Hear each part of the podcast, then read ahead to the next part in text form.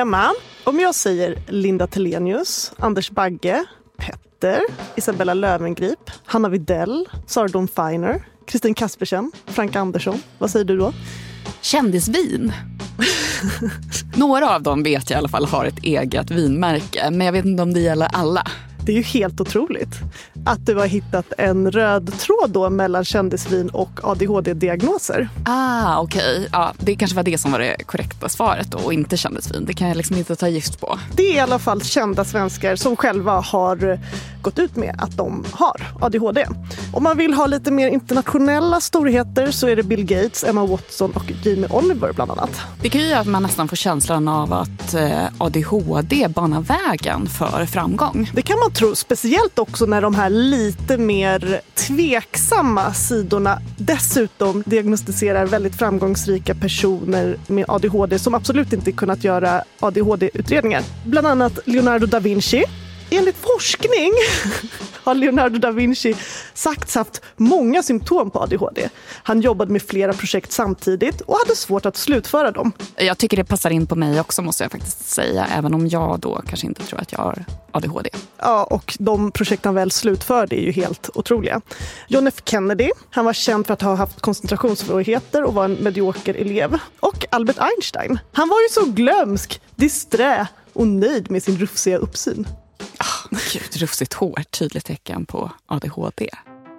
Du lyssnar på A-kursen med mig, Emma Frans. Och med mig, Klara Wallin. Och I den här podden ger vi ju grundläggande kunskaper i aktuella ämnen. Och diagnoser i allmänhet och ADHD i synnerhet känns ju ständigt aktuellt. Ja, och just ADHD det är ju en sån här diagnos som också lyfts i lite olika sammanhang. Ibland för att belysa svårigheterna som personer med ADHD möter i sin vardag.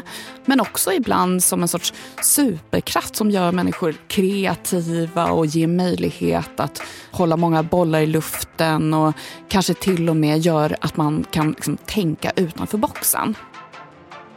Andelen barn och unga med en ADHD-diagnos har ökat med nästan 50 procent på bara tre år. Den här snabba ökningen de senaste tre åren skulle jag tro beror på ökad stress Idag i skolan. Idag är det nästan 190 000 personer i Sverige som fått en diagnos och recept på ADHD-läkemedel.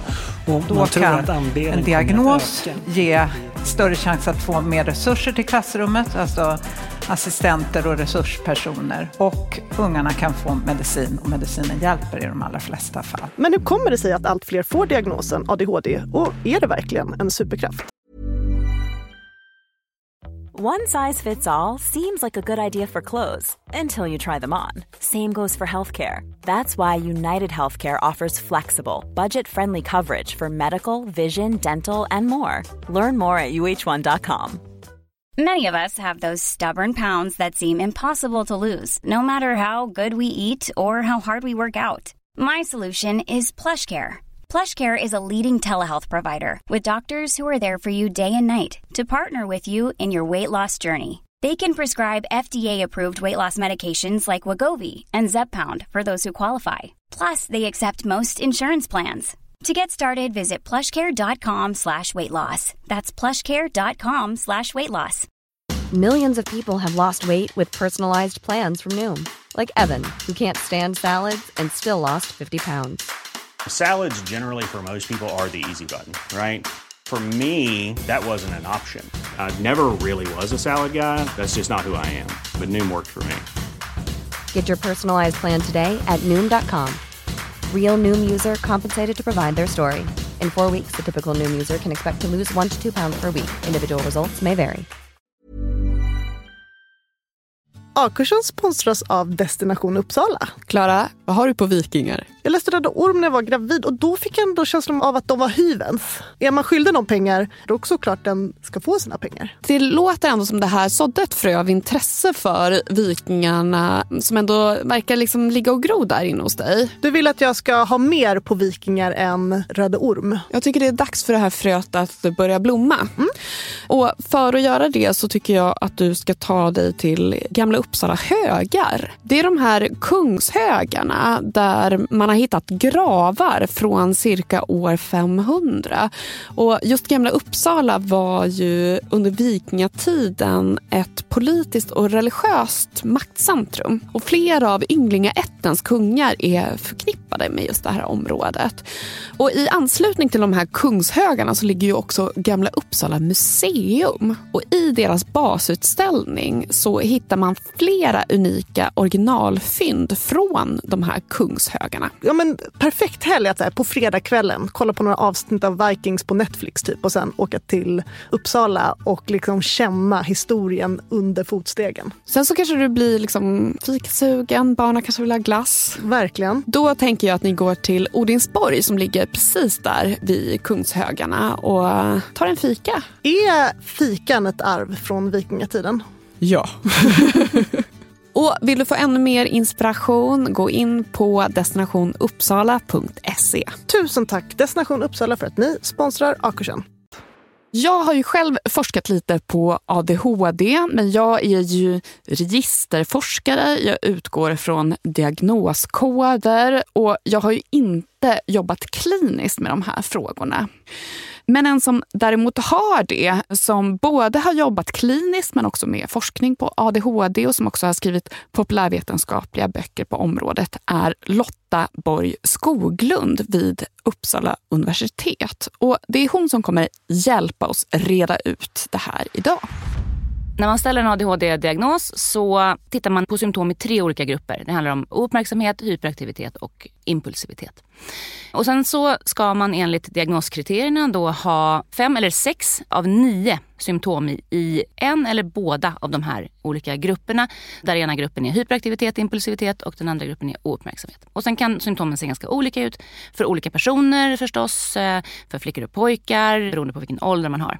Och ADD det är då utan H, alltså utan hyperaktiviteten? Precis, så brukar man säga. Då är symptomen framförallt, då handlar det om ouppmärksamhet, koncentrationssvårigheter till exempel. Men är det också liksom en del av ADHD-spektrat? Ja, man har kallat ADHD olika saker i olika delar av historien. Så först kallades allting för ADD med tillägget hyperaktivitet och nu kallas allting för ADHD. Men att man kan ha en ADHD utan hyperaktivitet, nämligen en ADD. Något som är väldigt tydligt med ADHD det är ju att den här diagnosen har ökat över tid. Men redan i slutet av 1700-talet beskrev en läkare hur en del barn tycktes sakna förmågan att under längre tid rikta sin uppmärksamhet på en och samma sak med konstant kraft. Han påpekade samtidigt att det inte var konstigt att barnen fick problem i skolan. Att fokusera på den torra latinska grammatiken var en kamp för alla. Och för de här barnen var det en omöjlighet.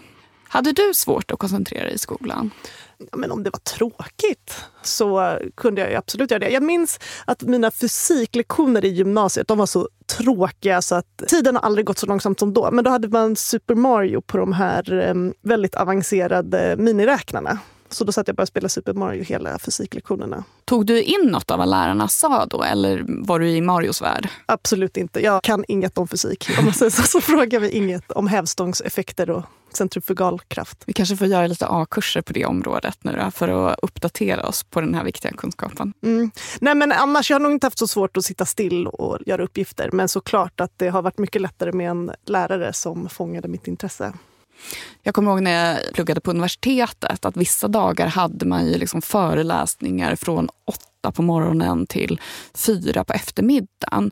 Och där tycker jag liksom, där var det jättelätt att man zonade ut och så hade man zonat ut ett litet tag så var det väldigt svårt att förstå resten av den här föreläsningen. Så jag kunde tycka att det var liksom en utmaning.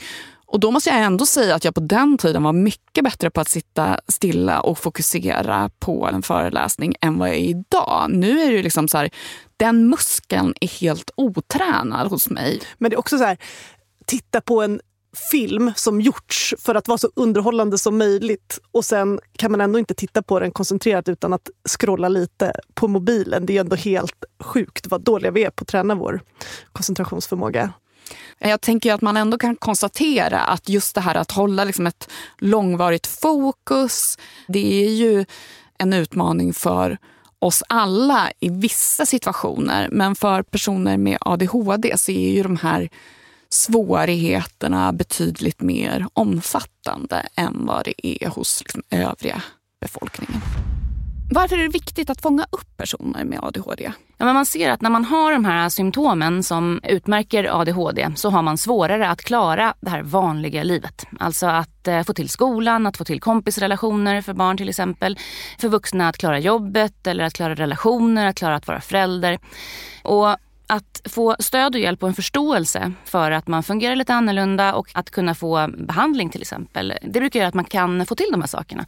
Så att om man kan hitta och hjälpa och stötta personer i tid så kan man ofta förhindra väldigt mycket av de negativa konsekvenserna som annars är förknippade med ADHD. Men hur går det rent praktiskt till när man ställer den här diagnosen? När man gör en ADHD-utredning som det kallas för då, så tittar man på att de här ADHD-symptomen ska ha funnits över hela livet. På engelska kallas ju ADHD, autism och den typen av diagnoser för neurodevelopmental disorders eller NPF eller neuropsykiatriska funktionsnedsättningar säger vi på svenska.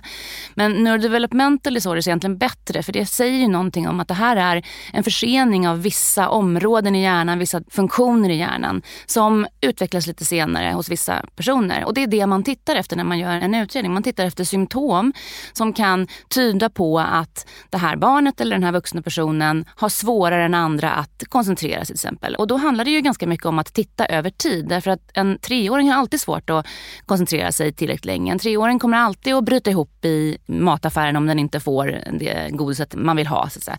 Vi förväntar oss inte att en 13-åring ska göra det till exempel. Så det handlar om att titta på över tid. Har det här barnet eller den här vuxna svårare än de flesta andra att få till det här. Hur mycket vet man om orsaken bakom ADHD och vad det finns för riskfaktorer? Ja, men idag vet man att ADHD orsakas till väldigt hög grad av genetiska faktorer. Det betyder inte att ADHD är liksom 100% ärftligt. Men enligt forskningen så säger man att 80% av risken eller vad man ska säga för att få ADHD förklaras av genetiska faktorer, alltså av ärftliga faktorer. Sen är det ju så att det är aldrig så när det gäller såna här heterogena diagnoser, alltså diagnoser som kan se så olika ut, så är det nästan aldrig så att det liksom är en specifik gen. Och det har man heller inte kunnat hitta. Liksom att det är, det är den här genen som är ADHD-genen eller det är dopamingenen. så. så är det absolut inte. Men det är nog sannolikt så att det är väldigt många gener i en, i en ny kombination för den här individen. Och sen är det ju alltid de generna i sin miljö. Och det är ju faktiskt bara miljön vi kan påverka. Så att det är ju, även om man säger då att det är väldigt ärftligt, så är det ju jätteviktigt att se att det kanske är miljön som gör att det här barnet eller den här vuxna faktiskt får ADHD-symptom eller inte. Vi har ju pratat om det här tidigare, just det här med arv och miljö. Och jag har ju själv bedrivit forskning där vi har liksom försökt uppskatta hur mycket av en diagnos som förklaras av gener respektive miljö.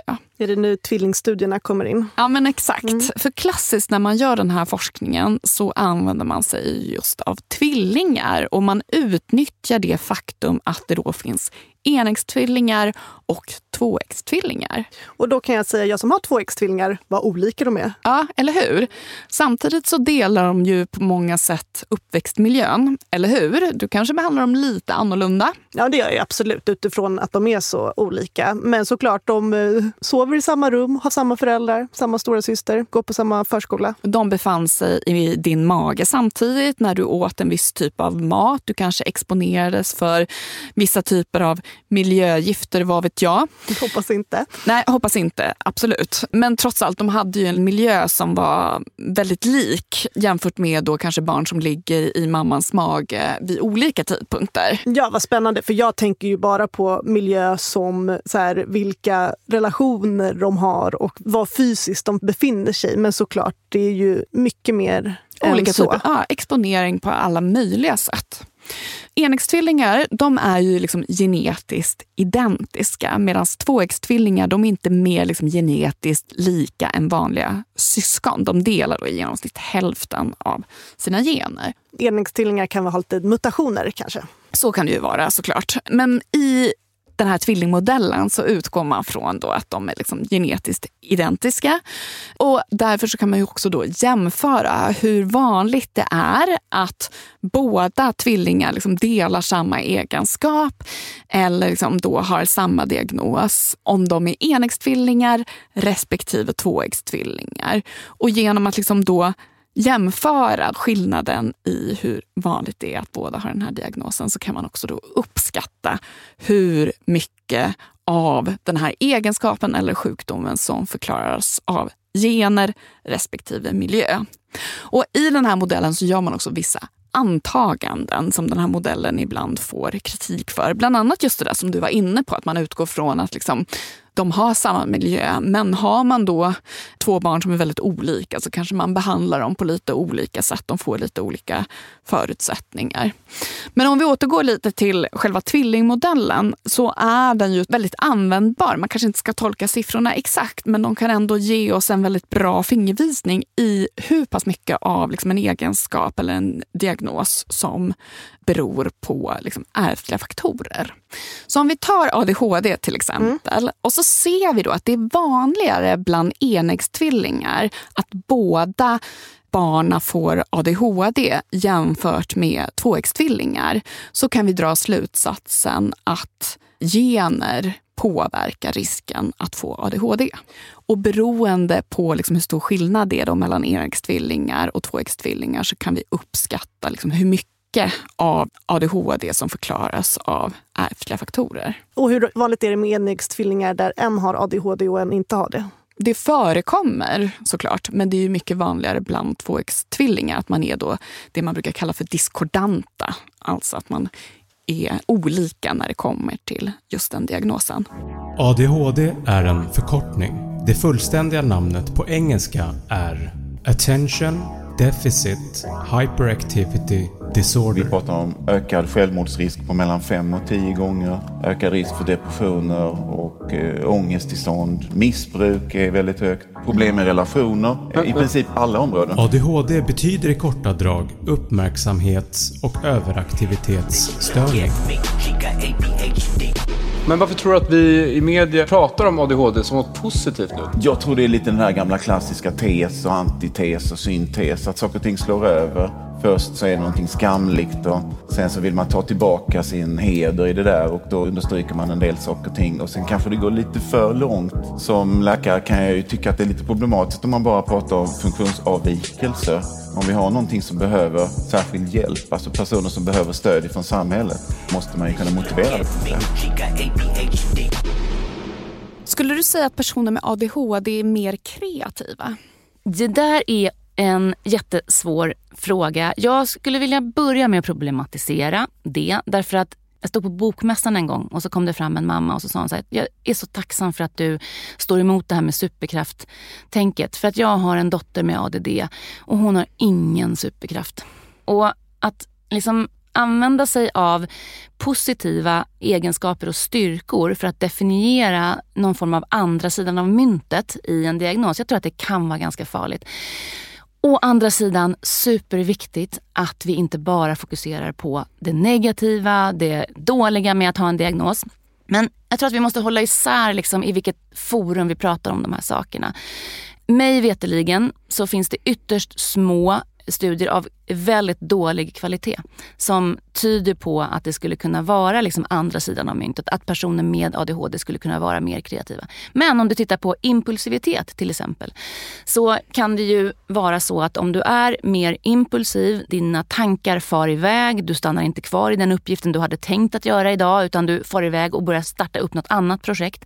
Så skulle det kunna hända sig så att det projektet blir, det var liksom där du breakade grattis.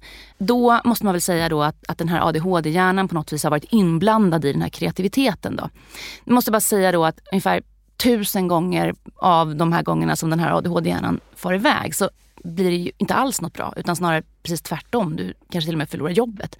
Så att det är jobbigt att behöva ha så här många tankar i huvudet samtidigt och behöva se saker så här komplext tycker jag. Men jag lite vänder mig emot det här att säga att ADHD-personer är så himla kreativa.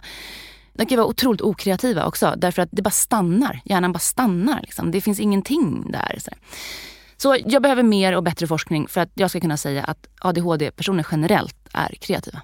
Och vad ser du i förlängningen för problem om man då börjar prata om ADHD som en sorts superkraft eller andra funktionsnedsättningar som liksom superkrafter? Men jag ser en problem med att vi liksom suddar ut gränserna mellan vad som är diagnoser och vad som är personlighet och vad som är hälso och sjukvårdens roll i det här och ansvar och vad som är personens ansvar och sådär. Jag, jag tror att alla har egentligen goda intentioner när vi använder oss av superkraftstankarna och försöker att närma oss varandras verkligheter och sådär. Men jag är lite rädd att det suddar ut och skvalpar ut det här som ändå är diagnoser och funktionsnedsättningar och där vi på samhällsnivå faktiskt kommer tjäna jättemycket på att anpassa och se till att så många som möjligt får liksom rätt möjligheter att fungera i ett samhälle. Att vi liksom skvalpar ut det för mycket om vi börjar prata om superkrafter. Därför att jag tänker att liksom väldigt många, de flesta av de personerna med ADHD som jag känner som är superframgångsrika och otroligt liksom duktiga på det de gör. Jag tänker att inte det alltid så jättemycket på grund av deras ADHD utan att de är faktiskt väldigt begåvade på en massa andra sätt. Alltså man kan ha hög IQ, man kan vara väldigt konstnärligt begåvad, man kan vara musikalisk, man kan vara social. Alltså det finns massor av saker som jag inte nödvändigtvis tycker hör hemma i ADHD-diagnosen utan som hör hemma hos personen istället. Så att man kan vara framgångsrik trots ADHD men inte kanske tack vare ja, men ADHD? Precis, jag tänker att de allra flesta fallen är det så. sen finns det säkert några som är framgångsrika tack vare sin ADHD. Men då är det nästan alltid så att de äger skiten ur sin ADHD. Alltså då är det örnkoll på varenda del och drag av sin ADHD-problematik. Väldigt, väldigt sällan de skulle jag säga som är framgångsrika tack vare sin ADHD skulle liksom använda sina ADHD-drag och skoja om dem eller på något vis liksom kokettera med det. Utan då är det hardcore. Jag skulle säga att man är framgångsrik med ADHD, vilket väldigt många är, trots sin ADHD. För att man får koll på sin ADHD, man tar den på allvar och man har andra styrkor och andra starka sidor. I'm Sandra and I'm just the professional your small business was looking for. But you didn't hire me because you didn't use LinkedIn jobs. LinkedIn has professionals you can't find anywhere else, including those who aren't actively looking for a new job but might be open to the perfect role, like me.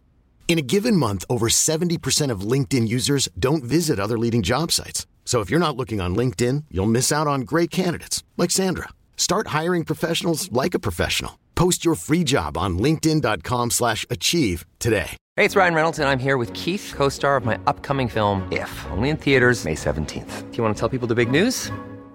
All right, I'll do it. Sign up now and you'll get unlimited for $15 a month in six months of Paramount Plus Essential Plan on us. Mintmobile.com slash switch. Upfront payment of $45 equivalent to $15 per month. Unlimited over 40 gigabytes per month. Face lower speeds. Videos at 480p. Active Mint customers by 531.24 get six months of Paramount Plus Essential Plan. Auto renews after six months. Offer ends May 31st, 2024. Separate Paramount Plus registration required. Terms and conditions apply if rated PG. Millions of people have lost weight with personalized plans from Noom. Like Evan, who can't stand salads and still lost 50 pounds. Salads generally for most people are the easy button, right? For me, that wasn't an option. I never really was a salad guy. That's just not who I am. But Noom worked for me. Get your personalized plan today at Noom.com. Real Noom user compensated to provide their story. In four weeks, the typical Noom user can expect to lose one to two pounds per week. Individual results may vary. A-kursen sponsras av Akademikernas a-kassa. Klara, jag tycker att det ser ut som du sitter där och är väldigt trygg. Och har inte jag varit trygg ända sedan du lärde känna mig? Jo, men det har du faktiskt nu när du säger det. Jag går liksom genom livet med någon form av grundtrygghet. Och det kanske är för att jag unnar mig att vara med i a-kassan. Men är inte det väldigt dyrt? Det är som en lunch. 130 kronor i månaden. Oh. Och då få denna trygghetsaura väldigt värt, ja. tycker jag. För att även om jag förlorar jobbet så står jag inte utan inkomst. I sånt fall skulle Akademikernas a-kassa betala 80% av min inkomst upp till 33 000 kronor i månaden. Och något som är så himla bra med just Akademikernas a-kassa det är ju att även om man byter jobb så behöver man inte byta a-kassa för att det är ju utbildningen som räknas. Man har ju alltid sina HP-poäng i ryggen. Mm. Och även om man inte har sina HP-poäng i ryggen så får man ändå gå med om man har det som mål. Just det, man är välkommen om man studerar och har som mål att ta minst, vad sa du, HP-poäng? 180 HP-poäng. Ja men det är helt fel. HP räcker ju, för P till HP står ju för poäng. Högskolepoäng. Ja, så högskolepoäng, poäng har vi sagt. Hoppas du blir smartare än oss av dina högskolestudier och gå in på akademikernasakassa.se a-kursen. Och bli medlem idag. Tusen tack Akademikernas a-kassa. Brukade ni kalla varandra dampbarn i skolan? Säkert. Man kallar varandra för så hemska saker. Vet du, jag pratade med en kille häromdagen. Mm. Som, han sa det, han bara, jag kanske outar mitt barn nu, men visste du att de fortfarande kallar varandra för dampunge? Och Det tycker jag också är lite förvånande, för att det känns som barn idag har liksom mycket bättre koll på de här diagnoserna och också att man är liksom ganska noga med liksom vilken typ av ord man använder. Att man inte ska liksom köna folk och att man absolut inte liksom skulle kunna sjunga med en låt och råka säga n-ordet. Men då får man inte köna folk? Man får inte felköna folk? Eller? Nej, man måste väl kunna få ja, men Man får liksom inte ta för givet att någon är liksom en kille eller en tjej. Man måste alltid fråga först. Jag vet inte. Jag ska fråga mina barn. Det är de som liksom har varit på mig i olika sammanhang. Mm. Ja. Du tjänar folk. Ja. Kränkande. Ja, enligt mina barn. Okay. Nej, men det har du kanske rätt i. Men jag tror väldigt få personer tar illa vid sig. För att det är inte så många som får diagnosen DAMP idag. Får någon diagnosen DAMP idag? Alltså, ska jag säga det konstigaste? På Wikipedia till exempel står det att det används inte idag. Och så är det så här, källa saknas, där det står... Att det är en tydlig red flag. Källa saknas. Ja, alltså, ja. men när var det det slutade? Ja. Och på Karolinska institutet så står det idag definieras DAMP som en kombination av ADHD och motoriska och perceptuella svårigheter. Men i alla fall, inför det här avsnittet tänkte jag att nu ska jag gräva lite i det här med DAMP. Vad är det för diagnos? Var kommer det ifrån? Men när jag började kika på det här hade jag aldrig kunnat ana att jag skulle hamna mitt i Forskarsveriges mest infekterade konflikt som lett ända upp till Högsta domstolen och resulterat i att metervis med forskningsmaterial skyndsamt plöjts genom dokumentförstörare. Det är mycket allvarligt att bli anklagad för forskningsfusk. Fruktansvärt. Det hör till det absolut värsta som kan drabba någon forskare överhuvudtaget. Och det är en förtalskampanj som jag har varit utsatt för som är fullständigt exempellös i svensk historia. DAMP är alltså en av föregångsdiagnoserna till ADHD, men det är ett begrepp som bara har använts i Skandinavien. I övriga världen använder man MBD som till en början stod för Minimal Brain Damage på 40-50-talet men på 60-talet så var det Minimal Brain Dysfunction.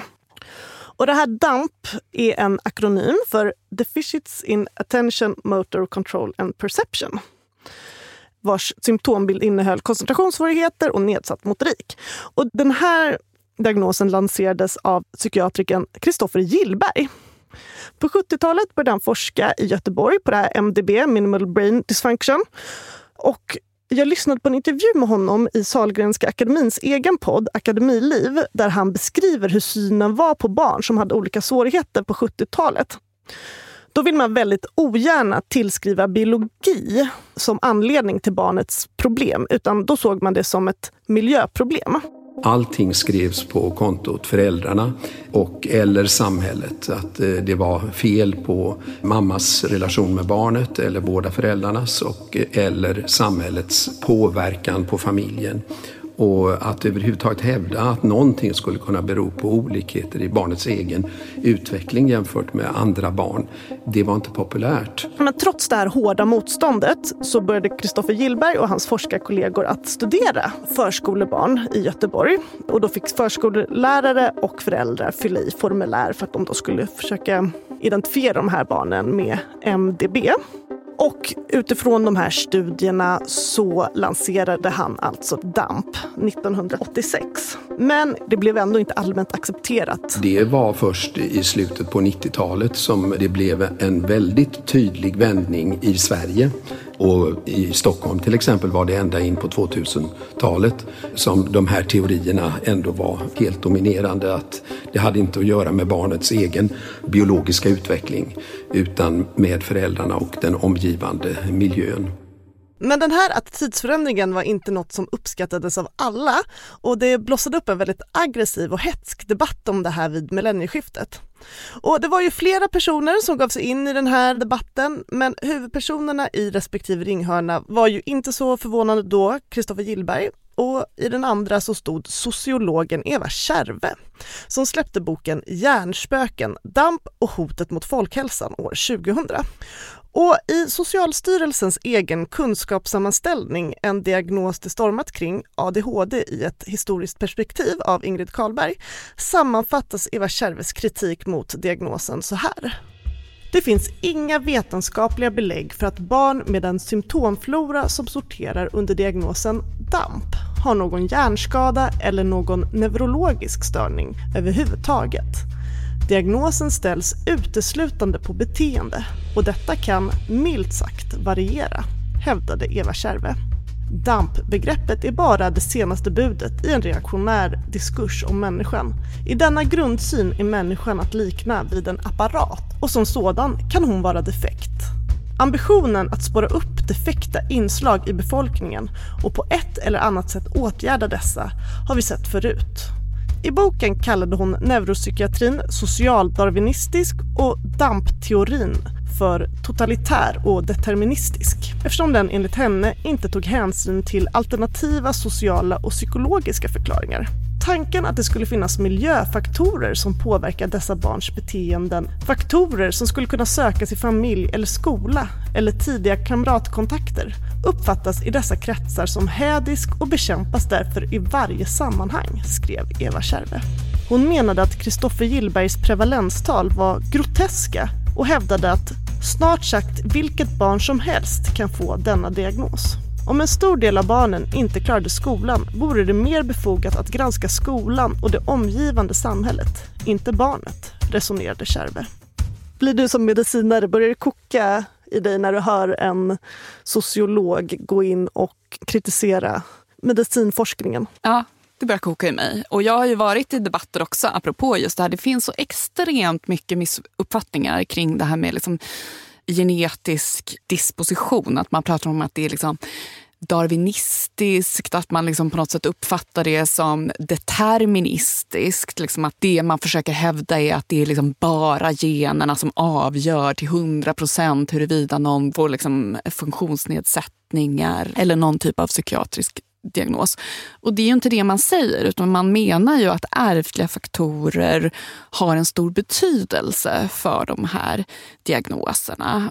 Men jag skulle säga att där vi är idag, det är ju att det finns en liksom vetenskaplig konsensus om att det handlar om ett samspel mellan gener och miljö och den typ av samhälle man befinner sig i och de krav som finns på liksom enskilda individer. Jag blev så chockad, för att jag är ju biolog och, och läste då biologi i Lund. Och jag tänkte så här, det här är det mest harmlösa, mysiga ämnet i hela världen. Bara lära sig om naturen och hur den samspelar och kanske få förklaringsmodeller till varför vi är som vi är. Och sen när man berättade om så här, ja, men evolutionen kanske har gjort att eh, vi blir kära. Alltså vill resonera kring det här så förstod jag att jaha, biologist, det var ett sånt otroligt skällsord. Och att då se biologi som förklaring till mänskligt beteende, det sågs som jättefult. Men Eva Kärved då, hon nöjde sig inte med att skriva den här boken, Hjärnspöken. Hon misstrodde Kristoffer Gillbergs forskning och begärde ut materialet från den här studien han gjorde på de här barnen i Göteborg på 70-talet. Men det vägrade ju Kristoffer Gillberg ge henne för att han hade lovat barn och föräldrar sekretess. Så det här prövades i domstol och Högsta domstolen dömde till Eva Kärves fördel och att då Kristoffer Gillberg skulle lämna ut allt material som hans forskning kring DAMP byggde på. Varpå hans medarbetare, varav en var hans fru, destruerade detta forskningsmaterial, drog det genom dokumentsförstörare. Förstår du vilket jobb? 22 hyllmeter. Och det dömdes också Kristoffer Gillberg för. Men han verkar vara en väldigt välrenommerad forskare och är fortfarande verksam i Göteborg och har Gillbergs centrum. Så att det är inte så att den här historien har... Um... Den har inte gett eh, Eva Kärve rätt kan man väl säga. Nej. Man kan väl säga att mycket av vår egen forskning i alla fall i Göteborg trots stort motstånd så är det den som har brutit väg, åtminstone i Europa, för en helt ny syn på vad är det vi nu kallar NPF. Men till Eva Kärves försvar så kanske vi också lite har gått för långt i att liksom fokusera på att det är individen som ska behandla och ändra sig och att vi på många sätt liksom inte alls fokuserar så mycket på liksom hur behöver vi förändra samhället på ett sätt som gör att även de här personerna med vissa utmaningar kan liksom blomstra och nå sin fulla potential. Är det inte viktigt då att man också funderar över att det kanske är miljön som måste mm. förändras, att den blir mer tillåtande för människor som har svårt att kanske sitta stilla och koncentrera sig. Hur tänker du om det? Det där är en jätteviktig och jättestor fråga och jag tror att den frågan liksom hänger ihop med väldigt mycket av det vi har pratat om tidigare. Också det här med så här, varför ökar diagnoserna så himla mycket nu? Och jag tänker att nu har vi blivit duktiga på att ställa de här diagnoserna och ge människor bra förklaringsmodeller. Men de här människorna ska ju sen ut i ett liv. De ska få en skola att fungera, en arbetsplats att fungera. Och där tror jag att vi har jättestort ansvar som samhälle att skapa en miljö som gör att fler personer kan klara av att leva ett vanligt liv och att växa liksom upp enligt sin fulla potential. Så idag så kräver skolan ganska mycket mer, tänker vi oss, av de exekutiva funktionerna, alltså av hjärnans lite högre funktioner för yngre barn. Vi hade en lite större styrning för på gott och ont säkert. Vi kan hitta massor av liksom, argument för varför skolan har blivit väldigt mycket bättre idag också. Så det säger jag inte. Men den har också blivit mer komplex på vissa sätt. Och där krävs det mer av våra högre funktioner och där kommer till exempel pojkar som är lite senare utvecklade att få svårare. Där kommer de som är födda sent på året att få svårare och där kommer de med ADHD att få svårare. Så här har vi liksom en ökad grupp som riskerar att falla ut och precis så är det ju för oss vuxna också på en arbetsmarknad eller i ett samhälle. Lite så här känns som att vi kör sjukt fort. Lite så här som när vi som är uppväxta på 70-talet som låg liksom i bak eller så här, fönsterrutan på Saab 99 så när man åkte till Skåne och så fick man ligga där och läsa Kalle Pocketar liksom, utan sexbälte. Så, så fattade vi att det där är nog inte så bra och liksom, trafiksäkert. Och sen så började vi liksom bygga in ett system för hur vi liksom åker bil. Lite tror jag att vi måste tänka på liksom arbetsmiljö och hjärnan i vårt samhälle också. Att nu när vi har skärmar och vi har en allt otydligare liksom ramar kring vad är fritid, vad är arbetstid och sådär Istället för att bara då fokusera på att diagnostisera fler med utmattningsdepressioner, sjukskrivningar, ADHD, depression den psykiska ohälsan då som är liksom skvalpbegreppet för alla diagnoser som ökar då. För många individer säger att det är väldigt skönt att få de här diagnoserna också för det blir liksom på något sätt ett sätt att förklara varför man inte riktigt kan hantera alla de här kraven mm. som läggs på individer. Så det är ju en svår mm. balansgång det där tänker jag ju också. Ska man ge en diagnos eller ska man inte? I och med att diagnosen innebär att man liksom mm. får stöd som man mm. behöver samtidigt som miljön och alla dess krav förblir liksom orört. Ja, men det är jättesvårt. Och det är så här, vem äger problemet? Alltså som läkare när jag sitter framför en person där jag vet att om jag ger den här personen en diagnos så kommer den här personen att få hjälp och stöd. För att en diagnos är också kopplad till en insats. Om jag ger den här personen en diagnos så är sannolikheten att det går bättre för den här personen större. Eller så kan jag säga så här, nej jag tänker inte ge den här personen en diagnos för det här är ett samhällsproblem. Och då vet det kan jag, du inte säga. Nej men det kan jag inte säga. Nej. Jag vill inte säga Nej. det. Så min roll som läkare är att, att ha den här, bästa, den här personen som sitter mitt framför mig just nu. Just den här personens bästa för ögonen. Så jag kan inte ta det samhällsansvaret utan jag kommer sätta den diagnosen och det är väl det vi ser. Och att känna en lättnad när man får en förklaringsmodell för varför man inte får livet att funka tycker jag också är ytterst mänskligt och väldigt, väldigt självklart. Sen undrar jag liksom då lite grann, vem äger den här andra frågan? För jag tänker ju att det kommer komma en gräns när vi inte kan ställa fler diagnoser utan vi måste titta på vad är det som gör att så många inte klarar av livet idag. Och jag hade hoppats på att vi skulle komma till en gräns när vi sa så att Nej, men nu har ju 15% av alla 12-åriga pojkar ADHD-diagnos. Måste vi inte nu titta på vilket samhälle vi lever i? Men det verkar inte så. Utan det verkar som att vi kör på lite till. Och det tycker jag är ganska oroväckande och ganska oansvarigt av oss. Och då undrar jag, så här, vem bär ansvaret? Är det vi läkare som ska ställa färre diagnoser? Eller är det de här föräldrarna som inte ska springa så mycket till doktorn med sina barn och klaga så mycket?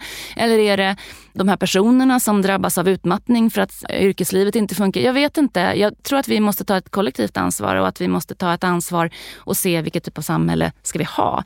Därför att jag är ganska övertygad om att vi vill ha ett samhälle där alla hjärnor på något vis får plats. Och alla hjärnor är olika. Och en andel av de här hjärnorna som lever bland oss, de kommer att drabbas av psykiatriska diagnoser. Vissa kommer födas med det, andra kommer få det under livet. Och det är ett samspel hela tiden. Och jag tycker inte riktigt att den här samhällsdelen av ekvationen har, har liksom, vi har inte kommit så långt där. Där skulle jag vilja se mer.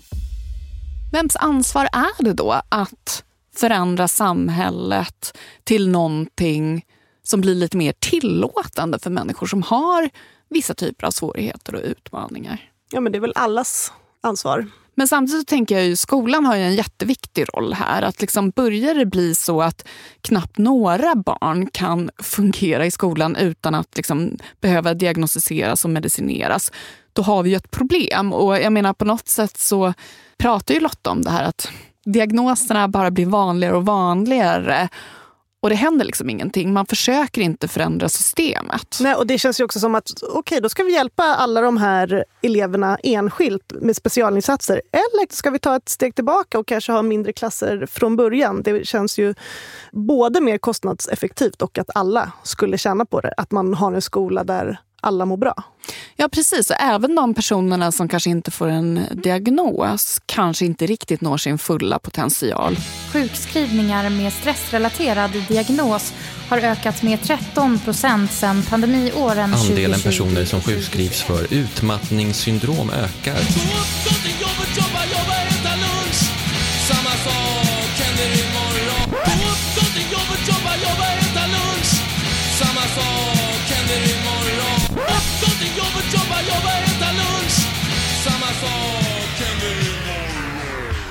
Hur behandlas ADHD? Det som är bra med ADHD är att det finns väldigt tydliga ramar runt liksom, dels här, hur ska en utredning gå till och sen också vad är det för behandling som är effektiv. Det finns nästan inga psykiatriska symptom där vi har så mycket forskning som visar vikten av och effekten av behandling. Och då säger man att ADHD behandlas via multimodal behandlingsinsats. Och multimodal betyder tre olika, eller i det här fallet. Då. Och där är psykoedukation, alltså att få lära sig mer om vad ADHD är, hur det funkar för mig och vad finns det för stöd i samhället. Sen är det olika typer av tekniska hjälpmedel, kanske appar eller tyngdtäcke om man sover dåligt. Och sen så är det läkemedelsbehandling. Och eh, där har vi som sagt mycket forskning som visar att den här behandlingen är säker och effektiv. Den funkar inte för alla och att man ofta behöver individanpassa den. Finns det mycket liksom fördomar kring ADHD-läkemedel? Ja, men det skulle jag säga att det finns generellt kring ADHD och kring läkemedel också. Och att ADHD-läkemedel är ju också narkotikaklassade vilket alltid gör att det blir lite laddat för eh, de som ska använda det och för oss som ska förskriva det. Det tycker jag också finns goda anledningar till. ADHD-läkemedel togs bort av Socialstyrelsen på 60-talet just för att det var en överförskrivning och ett läckage och ett användande helt utanför indikationerna och, meningen med användandet. Och därför är det väl jätteviktigt att vi fortsätter att vara väldigt noga tycker jag med vem som får läkemedel och hur de här läkemedlen används. Men därifrån till att vara livrädda för att använda dem när de är faktiskt, när de används på rätt sätt, är bland de mest effektiva läkemedels, eh, läkemedelspreparaten som vi har i psykiatrin idag. Så att det gäller ju återigen, så här, låt inte den här pendeln gå allt för långt åt ena eller andra hållet. Har du haft någon som kommit fram till dig och sagt vi måste stoppa läkarna som skriver ut knark till barn?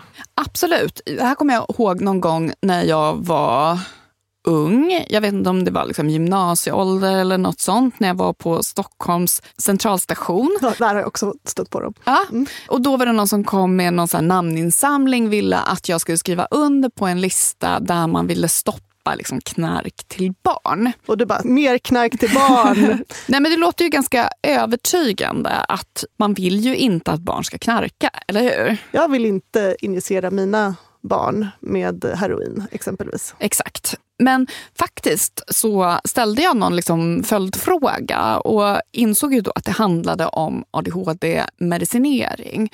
Och där hade jag faktiskt, trots att jag var relativt ung, fått veta från min mamma. Min mamma är ju psykolog. Hon har jobbat med barn inom BUP under väldigt lång tid. Och hon är ingen så superfan av att man ska liksom medicinera bort alla svårigheter som människor upplever utan snarare liksom kanske tvärtom. Men trots det så hade ju hon berättat för mig att väldigt många barn blir oerhört hjälpta av ADHD-läkemedel. Så att jag tackade faktiskt nej till att skriva under på den här listan för att jag hade då fått lära mig att det här med ADHD-läkemedel faktiskt var en bra grej. Jag tror jag gick i högstadiet när jag blev uppvaktad av en sån namnskriftsinsamlare. Och jag tror att det hade väldigt mycket med min starka tilltro till samhället som gjorde att jag inte skrev på. Alltså, det låter konstigt att man gick knark till barn men jag tror faktiskt inte att svenska läkare skulle göra det om det var dåligt. Båda vi två, vi var ADHD-läkemedels ivrare. Men jag är inte så förtjust i sätt sättet som man kom på att centralstimulerande droger kan förbättra koncentrationsförmågan. För det var alltså på 1930-talet som läkaren Charles Bradley skulle ta röntgenbilder på barns hjärnor. Men det blir inte så bra de bilderna med all eh, himla cerebrospinalvätska som ligger och skvalpar. Vad gör man åt saken då? Suger bort det? Ja, och ersätter med någon gas, syre, helium eller luft. Vad händer då i huvudet? Allt kollapsar eller? Nej, man hade ju trott det. Men man får huvudvärk och stark yrsel. Jaha, det var inte farligt. så istället för att bara sluta suga ut den här vätskan man vill ha runt sin hjärna så tänkte han ja, men om man ger amfetamin så kommer nog vätskan igång igen. Det gjorde den inte. Huvudvärken och yrseln var kvar. Men det verkade förbättra barnens förmåga att prestera i skolan trots att han sugit ut deras järnvätska. Man måste ju ofta påminna sig själv att man ska liksom tolka historiens forskare utifrån den tid de verkade i. För man baxnar ju, alla var ju typ Paolo Macchiarini i princip. De som vi får höra talas om, det var ju de som faktiskt eh, fick de här hemska experimenten att funka. Men eh, man är ju verkligen glad att man lever i en tid då forskarna också måste beakta de etiska aspekterna av sina experiment. Men tror du Charles Bradley hade ADHD? Det låter nästan så. Men nu gör jag ju det här misstaget som vi uppmärksammade i början, att man på något sätt klistrar ADHD-diagnoser på människor som tänker lite utanför boxen, trots att man inte då har gjort en gedigen utredning på dem. Och hade Einstein levt idag, vem vet, han hade kanske fått en ADHD-diagnos. Men det är ju, som Lotta tryckte på är ju att miljön också är en jätteviktig faktor för att man då ska få en ADHD-diagnos. Men Einstein levde inte i den här tiden. Och då blir liksom en ADHD-diagnos helt irrelevant. För det handlar ju om hur man som människa fungerar i den här kontexten. Du har precis tagit A-kursen i ADHD. Med mig, Emma Frans. Och med mig, Klara Wallin. Och på torsdag, missa för allt i världen inte överkursen. Hela din intervju, Emma, med Lotta Borg Skoglund. Lotta är en av mina stora idoler. Hon är ju så himla kompetent och duktig. Både som kliniker, forskare men också som liksom vetenskapskommunikatör. Och följ oss jättegärna på Instagram. Under dagen kommer vi lägga ut vår tenta i händelser i ADHD. Missar du det så ligger tentan sparad i höjdpunkter. Akursen understreck podd heter vi på Instagram. Så följ oss gärna där och eh... skriv till oss i DMs.